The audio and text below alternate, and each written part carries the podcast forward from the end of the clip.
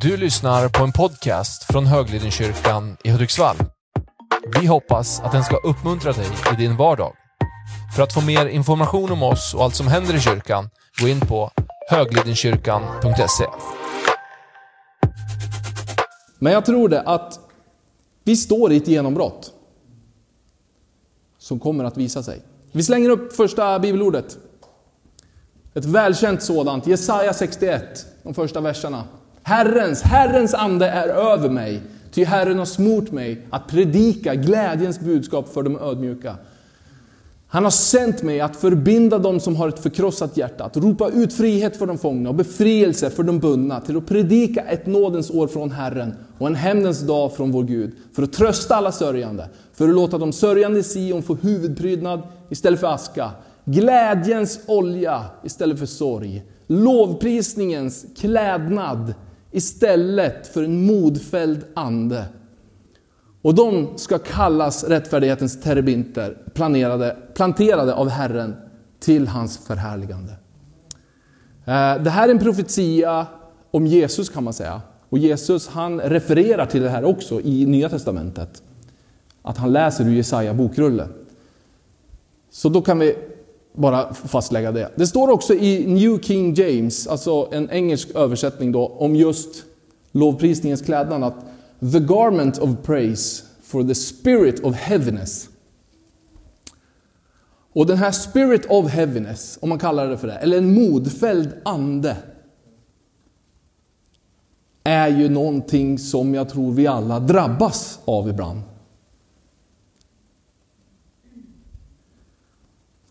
Som vi ska titta dels lite på idag. Vi tar Jesaja 10 också, nästa bibelord.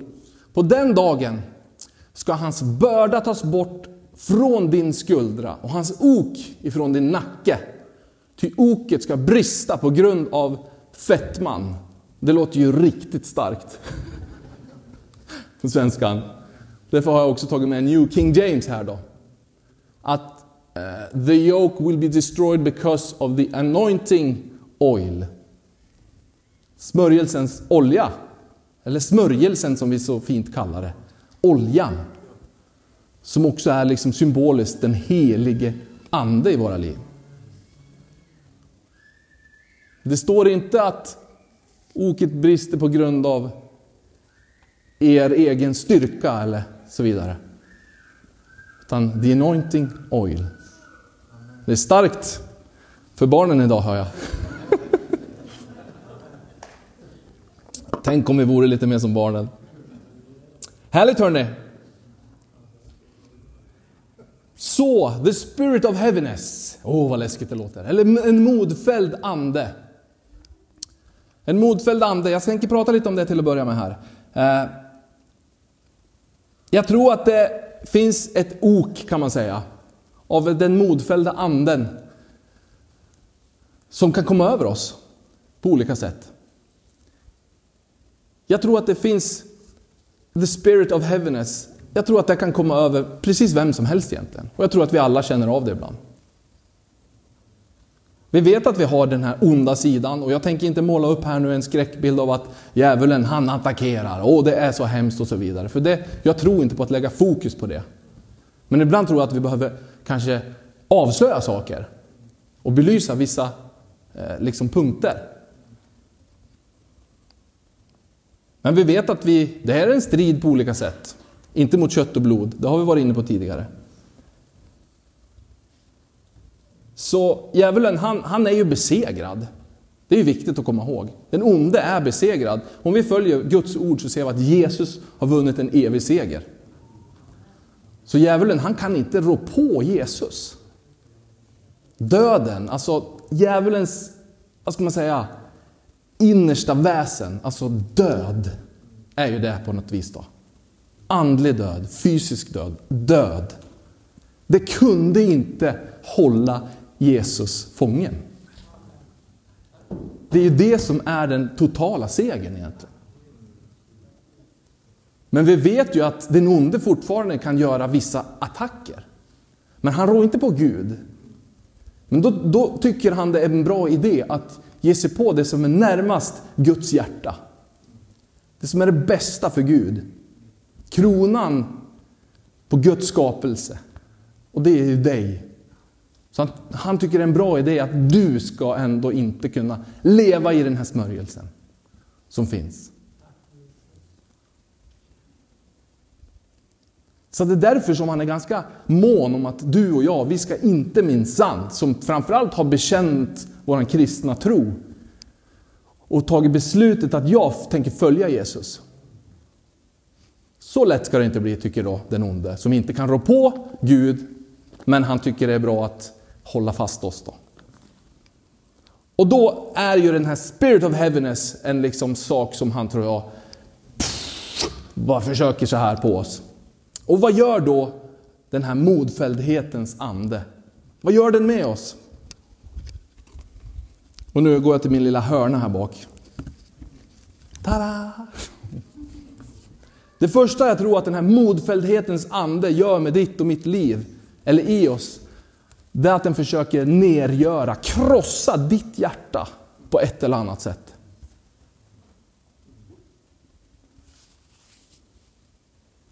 Jag tror att, Bibeln säger att ifrån ditt hjärta, bevara det, för därifrån utgår ditt liv.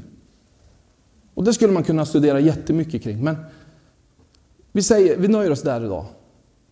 Så jag tror att en modfälld, den modfällde anden försöker liksom få ditt hjärta att bli nergjort, crushed, krossat. För då kommer det påverka ditt liv. Så det är det första som jag tror den här modfälldhetens ande gör.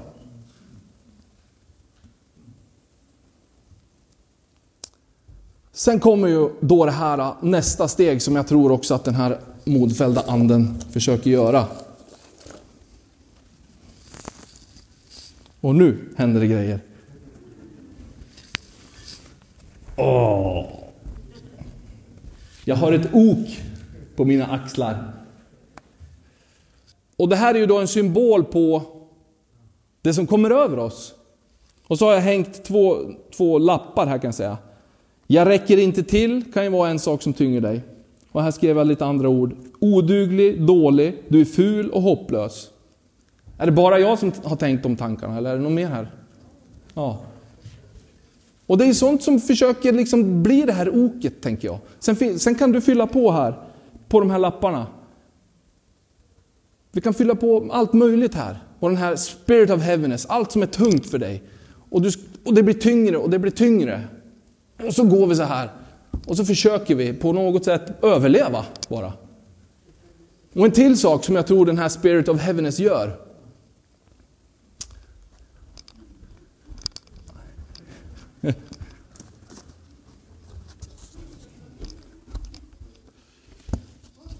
Den, den skymmer din vision. ja. ja. Nu har jag tagit på mig en hatt med, med skygglappar på här. Jag ser fortfarande lite grann. den skymmer din vision. Alltså det du ser som är på något sätt bra och framåt och, och, och en utväg. Den gluggen blir mindre och mindre.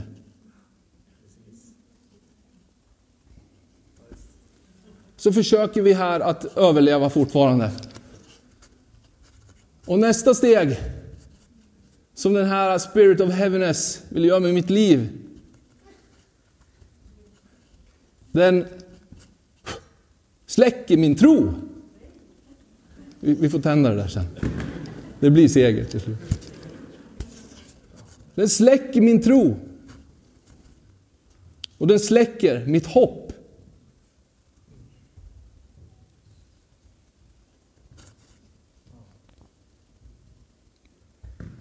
Tro, hopp och så glädjen försvinner också i det där.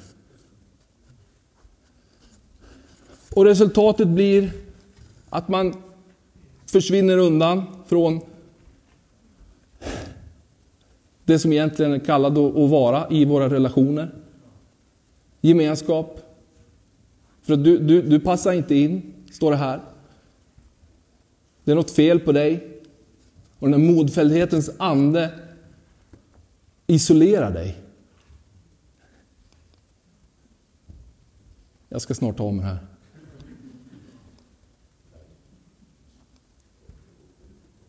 Och till slut så vill du faktiskt inte leva längre. För det här kan ingen människa bära själv. Det finns ingen som kan leva i det här en särskilt lång tid. Och det ser vi idag. Hoppet är ute. Det finns ingen vision. Ser ingen mening med mitt liv. Och det här oket har dragit mig ner så enormt mycket så att jag kan inte röra mig. Jag har skavsår på min nacke. Och jag tar mig inte ur fläcken.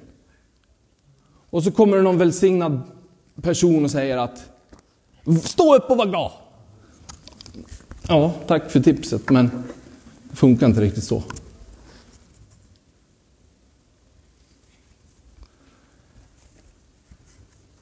Så en modfälldhetens ande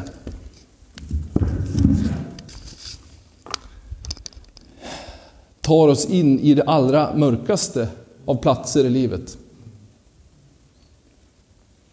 The spirit of heaviness. Och jag tror att det är någonting som vi ser ett resultat av allt för ofta. I våra, I våra närhet, i våra liv, i vårt land, i världen idag. Och det är ingenting som sker över en natt i våra liv. Du vaknar inte upp en dag och så bara... Nu hade modfälldhetens ande slagit till i mitt liv. Oftast är det ju inte så. Utan det är någonting som sker lite grann i taget. Som det ofta kan vara. Jag tänkte på det här, hur, hur, hur, kommer dammet in i mitt hus, i vårt hem? Liksom? Hur kan det bli så dammigt på en vecka? När sker det? Ingen aning, men helt plötsligt så är allt damm där och man säger nu måste vi städa. Men just det här, när sker det? Ja, men det sker ju lite hela tiden. Och det är precis så med den modfälldhetens ande. Det kommer lite åt gången. Det blir en grej och det blir en grej och det blir en grej. Och till slut så är man där. Och jag kommer såklart prata om vad jag tror att Bibeln lär oss i att komma ur det här och i att faktiskt inte hamna i det. Och vi har ju läst det i Jesaja 61. Motsättningen till modfälldhetens ande, eller the spirit of heaviness. Det är the garment of praise. Lovprisningens klädnad. Så det är det som Bibeln säger att du och jag, vi ska ikläda oss lovprisningens klädnad. Istället för en modfälld ande. Och vi läste också att the anointing oil, alltså smörjelsens olja, bryter oket. Så det tror jag är ett viktigt fundament i det här att du vet, det är inte du och jag i första hand som ska gaska upp oss och ta oss ur det här. Och sätta upp skölden och, och vara så stark och bra hela tiden. För då kommer vi att misslyckas. Men uppenbarligen lär Bibeln oss att det finns en smörjelsens olja i det här.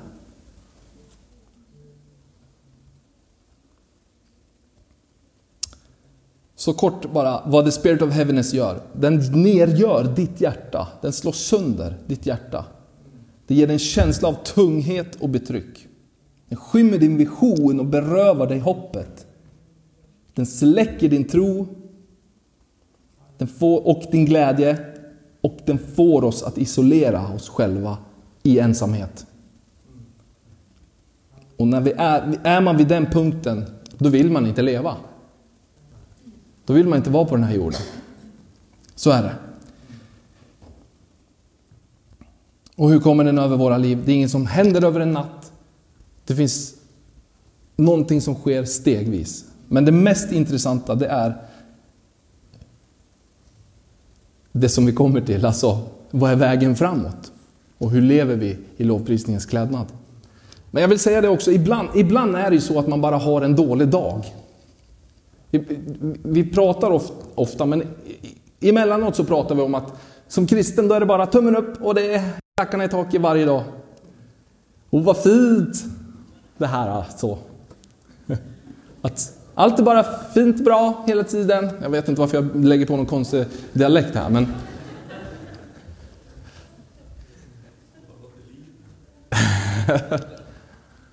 Eller hur? Ibland är det så att nej men det är bra, det är bra, det är bra, tack, tack, tack. Behöver inte oroa dig för mig.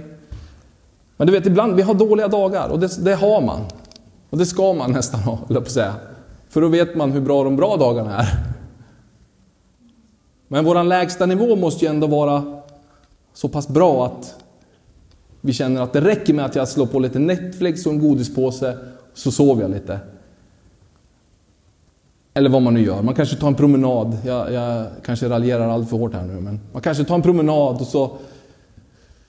Jag vet inte. Så tänder man en eld i skogen och bara känner att livet återvänder. Vi har olika sätt att hantera våra dåliga dagar. Och det, det ska vi inte förhandliga. Det är det jag menar. Vi kommer att ha lite dåliga dagar och då, gå och sov, det kommer en ny dag imorgon. Jag vill också göra det lite avdramatiserat. Men det finns den här också, the spirit of heaviness och modfälldhetens ande. Då. Och då har vi det som är så fantastiskt då, som lovprisningens klädnad. Klädnad, det du har på dig här idag, det vaknade inte du med. Det var inte så att kläderna kom till dig så här och bara fanns på din kropp helt plötsligt. Utan du behöver aktivt göra ett val vilka kläder du skulle ha idag.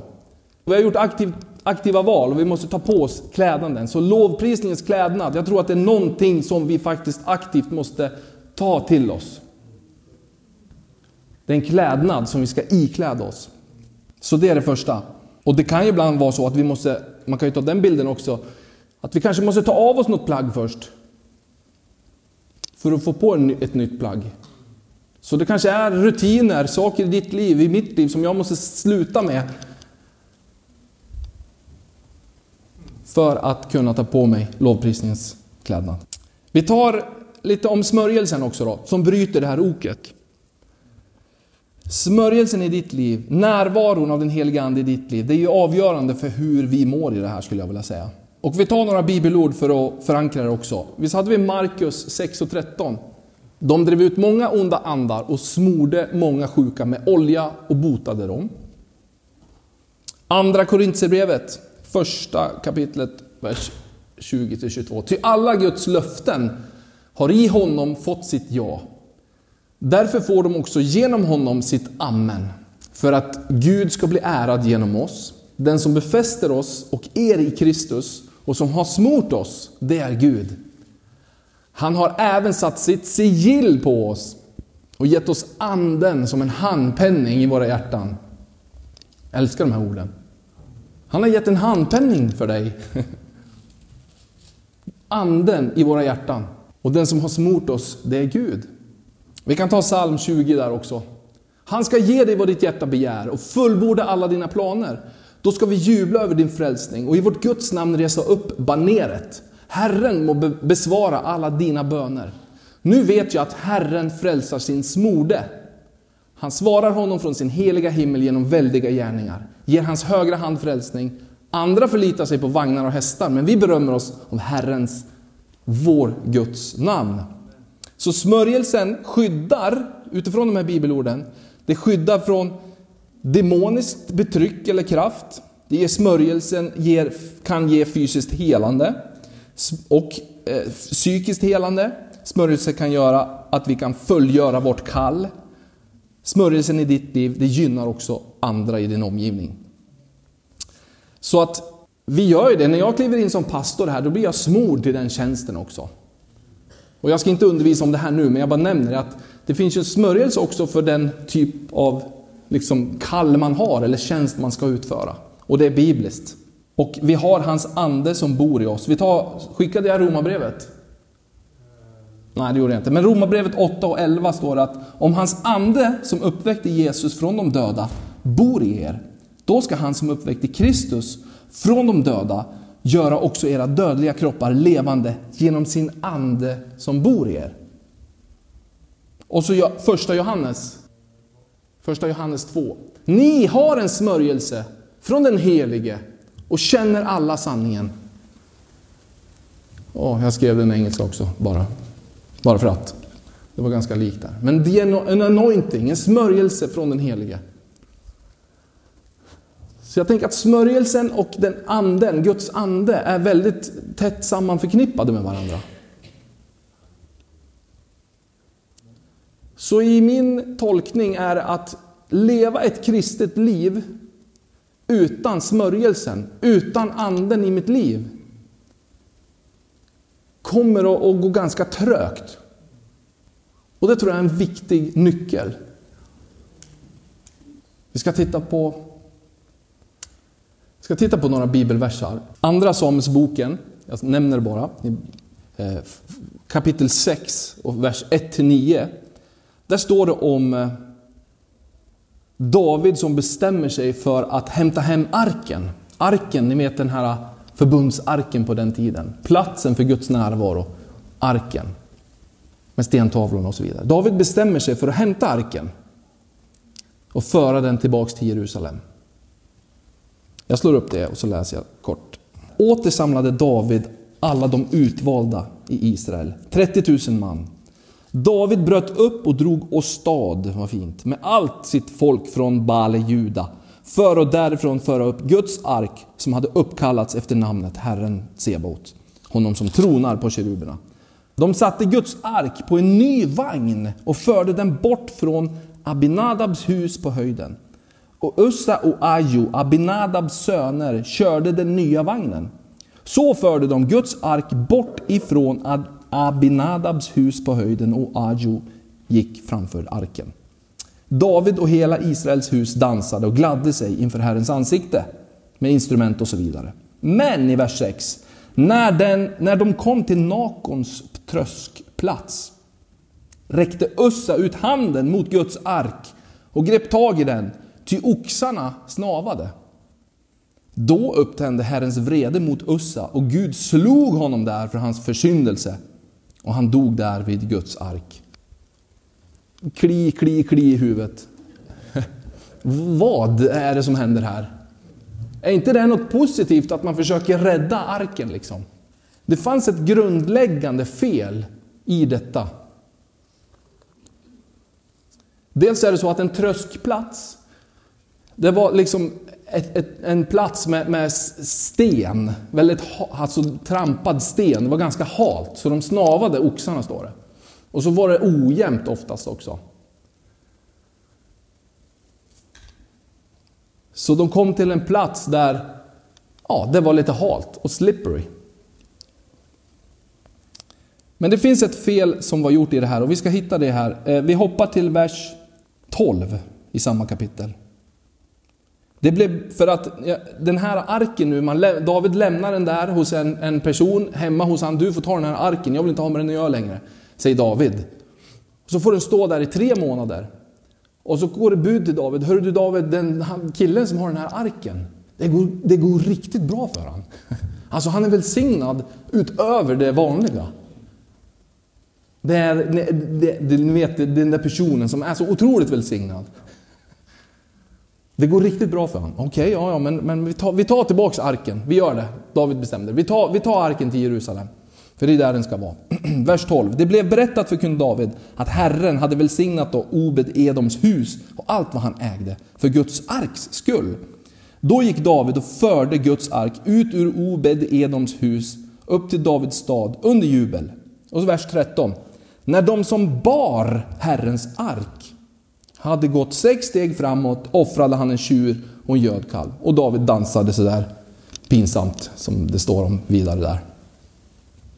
Här står att de som bar Herrens ark. Nu hade David gått tillbaka till instruktionerna som Mose kom med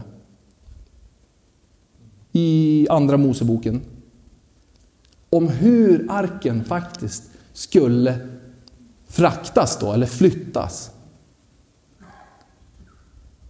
Den ska bäras. Den var gjord med öglor så att de fick igenom de här stängerna och så skulle liksom prästerna bära arken. Den ska inte fraktas på någon vagn. Bara för att det går smidigt och lätt. Det kan ju verka lite fyrkantigt, va? men det här var det gamla förbundet. Och man brukar säga att det nya förbundet som vi lever i uppenbaras, uppenbaras i det gamla och vice versa. Och vad hade då David fått det här sättet ifrån? Jo, arken hade ju blivit erövrad av filisterna under ett av krigen. Men filisterna, de fick bara förbannelse kan man säga. De fick bara motgång och problem för att de hade arken i sitt läger. Så de sa, skicka arken tillbaks till Israeliterna. Och då byggde de en vagn och lastade på arken på vagnen, filisterna. Och så skickade de iväg den. Och så tog David det där exemplet, det där var ju rätt smart av filisterna. Att bygga en vagn och frakta arken. Vi gör det vi också. Och så händer den här händelsen, det blir pannkaka, han går tillbaka och säger okej. Okay, Guds närvaro vilar på människan. Guds närvaro vilar inte på en organisation eller en på det sättet. Guds närvaro ska bäras av människor. Det ska inte fraktas och vara effektivt på det sättet. Och många gånger kanske vi tittar på andra, om jag vill ha Guds ande, om jag vill ha Guds närvaro, arken, du har fått arken i ditt liv, jag har det i mitt liv. Om jag ska ha den närvaron av Gud i mitt liv, då kan jag inte titta mig runt omkring kanske för att hitta ett bra exempel på hur, eller exempel, men ett sätt att få det effektivt och så vidare. Vi måste titta på vad faktiskt Bibeln säger oss. Att smörjelsen och den helige Ande finns i ditt och mitt liv. Den är oss given. Och jag tror att när vi lever våra liv utan del av anden så blir det lättare att de här oken, det här oket och de här grejerna, the spirit of heaviness, smyger sig på i mitt liv. Jag tror att det finns en, en, liksom, en upprättelse, men att Gud har upprättat ett sätt för dig och mig att leva ett kristet liv. Det kommer inte vara guld och gröna skogar varje dag. Jag tror att han har smort dig till att leva ditt liv. Och jag tror att den helige Ande kan vara den där oljan i ditt liv för att bryta det där oket. Och det handlar inte om att du och jag ska vara stark hela tiden, för det är vi inte. Vi är människor. Och vi brister, och vi kommer till korta. Men någonstans, och Bibeln är tydlig med det, när du och jag är svag, framförallt då så syns Guds styrka på något vis. Jag tror David gjorde ja, framförallt tre saker i den här berättelsen. Han, han förberedde en plats för Gud när han gjorde sitt omtag och såg det för vad det verkligen var. Han, och så förberedde han en plats där Guds ark skulle stå. Studerar man det här så finns det jättemycket alltså, bra saker att lyfta fram. Men han förberedde en plats åt Gud. Och vi kan be om Gud i våra liv. Gud kom och ta över, över det här, men, men så. Nu ska jag göra det här, det här, det här. Och så har man ett fullbokat liv. Och det är helt okej okay att ha ett fullbokat liv. Det har vi på många sätt och vis. Men någonstans i ditt fullbokade liv så behöver den här smörjelsen, närvaron av Gud finnas. Och det behöver inte vara fyra timmars bön varje morgon. Det är det sällan. Och som sagt, i mina perioder när jag liksom har fått prövats i min tro, jag har känt att Guds ord, liksom, ja men det här vilar just nu. Det är inte tid att studera nu. liksom så. Utan, alltså tidigare då, just nu är jag, är jag otroligt inspirerad att studera Guds ord. Men tidigare i mitt liv har det gått, det går i perioder i livet. Men du vet, Gud finns med där. Och jag har alltid känt att det finns en smörjelse, det finns en närvaro av Gud i mitt liv. Och varför? Varför, varför, varför? Det är för att jag Dels har jag tagit beslutet Att jag har tagit emot Jesus, jag har tagit emot den helige Ande i mitt liv.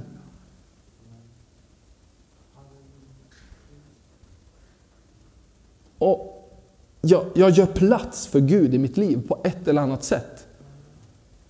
Det kan vara att jag tänker en tanke. Att jag innan jag somnar tänker att Tack Gud för ingenting. Så illa kan det vara. Men någonstans så finns det alltid en plats för Gud i mitt liv. Och det tror jag är viktigt. Även när vi inte känner och upplever saker. David gjorde också att han bekände sitt fel. Alltså han, han insåg, han, vågade, han skyllde inte på någonting. Utan David gjorde om och gjorde rätt. Och sa att jag behöver ändra det här. Eh, precis, jag, tror, jag, jag nöjer mig med dem. Men, men han gjorde plats för Gud och han, man vågar säga om det är någonstans där man faktiskt har gått fel.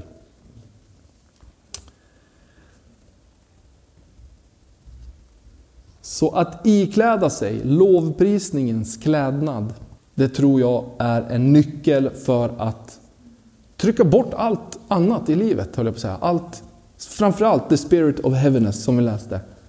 Modfälldhetens ande. Och jag tror att lovprisningens klädnad kan vara någonting som du odlar i ditt liv. Jag tror att det kan vara någonting som du kanske inte bara tar på dig direkt så här och så är allting frid och fröjd. Jag tror att det kan vara små steg som du odlar i ditt liv. Det kan vara så att när du känner dig som absolut värst och sämst. Det kan vara så att om du sår det där fröet och säger Tack Jesus. Puff. Det kan vara så lite. Som att säga Tack Jesus. Jag är inte tacksam för fem öre. Men jag säger det. Tack Jesus. Och nästa gång då kanske du kan säga något mer. Och något mer. Men jag tror att ikläda sig lovprisningens klädnad, det är någonting som vi aktivt måste göra. Och du ska inte vara rädd för modfälldhetens ande, the spirit of heaviness. Den har ingen chans på dig egentligen. Tror jag. Jag ska säga så här, den har ingen chans på Gud. Den har ingen chans på den heliga Ande, den har ingen chans på den smörjelse som Gud kan lägga i våra liv. Och det är inget farligt, det är inget hemskt, tvärtom. Det är en nyckel för våra kristna liv, för ditt liv.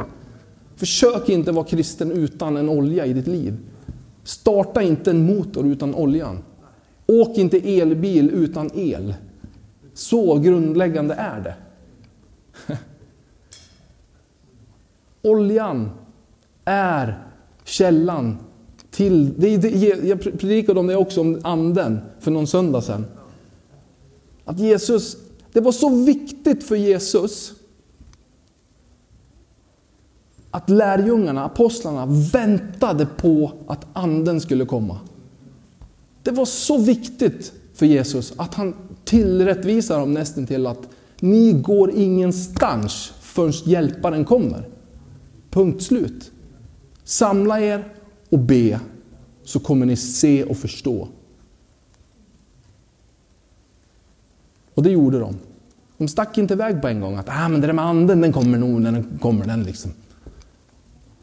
Och det här med att anden faller, och ja det gör den ibland, absolut. Och det är fint och bra och det finns olika tider och stunder för allt. Men det finns en vardag, det finns en kontinuitet. Den här glöden, grillglöden, där är ju liksom oljan och anden också. Det, ska inte, det behöver inte vara märkvärdigt. Men det bär. Dag för dag, dag för dag. Och det är en avgörande nyckel för våra kristna liv. Så, ja, vi sluter våra ögon en liten stund. Tack Jesus. Fader, jag tackar dig, jag ärar dig. Jesus, jag tackar dig. Helige Ande. Tack för att du är den här smörjelsen, du är den här oljan i våra liv, du är den här styrkan och kraften Herre. Det är inte upp till oss själva Jesus, utan du har sänt den här hjälparen, den helige Ande. Du är sänd till att vara inom oss Herre. Vi ska bära din närvaro, dig helige Ande. Vi, vi är utvalda att bära, människan kan bära dig. Närvaron av Gud är vi kallade att bära i våra liv. Vi ska inte frakta det, vi ska inte bara slå bort det eller skicka det någonstans, utan vi är kallade att bära din närvaro Jesus, din närvaro helige Ande. Tack att det är olja i vårt liv som bryter de här oken. När modfälldhetens ande tränger sig på så finns det en smörjelse som lyfter oket av oss. Som bryter oket. Jesus, jag ber att vi den här stunden och den här dagen ska få uppleva och erfara det, Herre. Det behöver inte vara märkvärdigt på något sätt, men jag ber att det sker på insidan av oss, Herre. Och du ser oss, vi alla brottas med saker.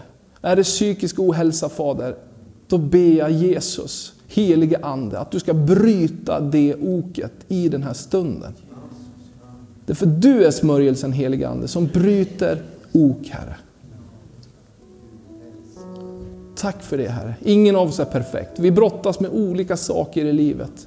Men vi har en tillgång i dig helige Ande, i din smörjelse, i våra liv. Helige Ande. Helige Ande. Ber att du kommer och bara sveper in bland oss just nu Herre. Du möter oss där vi är Herre. Tack för smörjelsen som bryter oket Herre. Tack för oljan som bryter oket Jesus. Vi kan inte göra det här själva. Vi ska inte göra det heller. Ber om en uppenbarelse i våra hjärtan, här, i våra sinnen. Här. Låt det här processas fram i oss, heliga Ande, hur viktig och avgörande du faktiskt är. Det behöver inte vara flummigt och konstigt, utan du kan visa oss klart och tydligt. Du kan möta oss där vi är, Jesus. Helige Ande.